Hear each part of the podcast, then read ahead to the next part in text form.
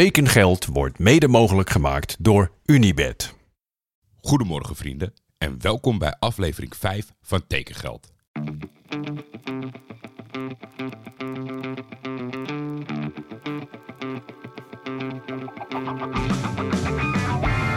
Waar gaat Hildeman naartoe? kan u mededelen dat er overeenstemming is bereikt met Johan Cruijff bij Feyenoord. Navarone voor. Vandaag in andere kleuren, hè? Ja, dat zeker. Dat is wel even wennen natuurlijk. Berghuis een van de meest besproken transfers ooit, denk ik.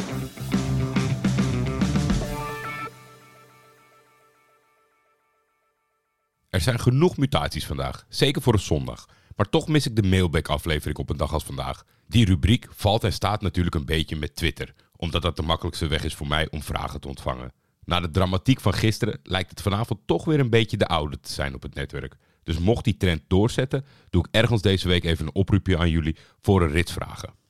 Dan de transfers. Laten we beginnen met een voor mensen die graag in een Wikipedia rabbit hole duiken, fantastische transfer. De 26-jarige Sven Blummel, geboren en getogen in Schijndel, gaat van MVV naar HNK Gorica, de Kroatische ploeg die afgelopen seizoen met hangen en wurgen op het hoogste niveau bleef. In Gorica kijken ze graag onze richting op voor versterkingen, want als iedereen blijft gaat Sven spelen met Matthew van Steenvoorde, Joey Suk en Goedot Tim Matafs.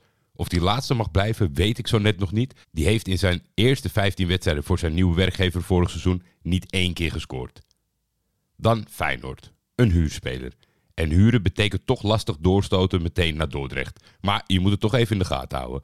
Het is een 18-jarige Gambiaan die niet lang geleden door Newcastle is gekocht van het Deense Odense.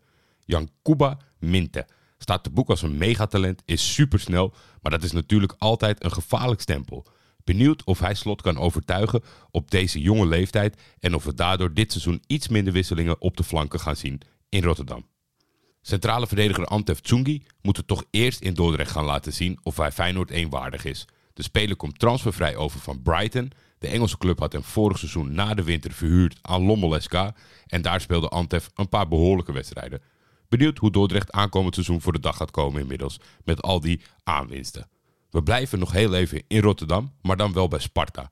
Augustin Anello komt over uit België. Voor de zoveelste keer deze korte periode dat de podcast weer begonnen is, dat we deze club gaan noemen. Lommel SK namelijk. Maar Augustin heeft wel wat feitjes die mijn aandacht weten te trekken. Hij is een aanvaller en kan eigenlijk op alle posities voorin uit de voeten.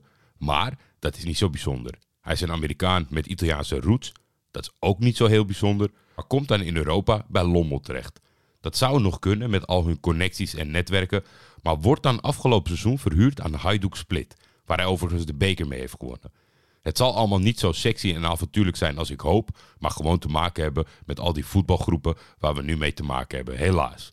Want 10, 20 jaar geleden zou het toch gewoon een gruwelijk verhaal zijn. Een Kroatische gigant die een talent in Lommel of all places vindt. Maar die tijden zijn voorbij.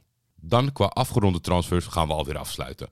Er zijn twee Nederlandse aanwinsten voor, hou je vast, Safa Beirut uit de Libanese competitie. De club die onder leiding staat van Jan de Jonge.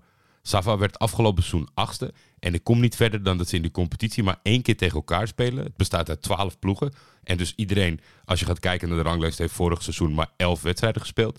Weet jij hoe die competitie precies in elkaar steekt? Laat het mij gerust weten. Maar in ieder geval, Johan Kappelhoff, inmiddels 32 met een aantal jaar MLS in de benen, en Jordi Bruin van NEC zijn aangekomen in Beirut.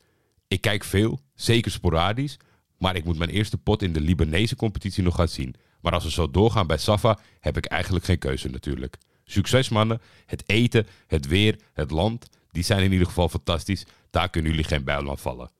Dan door naar de Tekengeld Academy, die compleet aan het overstromen is inmiddels. Jimmy Vijgen van MVV mag op zoek gaan naar een nieuwe club. Samuel Armateros en collega-spits Reginho Sicilia van Heracles hetzelfde. Roel Jansen, Ximi Navarro, George Kok die verlaten Fortuna en hebben nog geen nieuwe werkgever. Mitchell Dijks is gratis op te pikken voor clubs. Guus Geertsen van NEC. En na de waslijst van gisteren bij Emmen nog een aantal spelers, waaronder spits Richairo Zivkovic, keeper Mickey van der Hart en verdediger CQ-middenvelder Kezia Veendorp.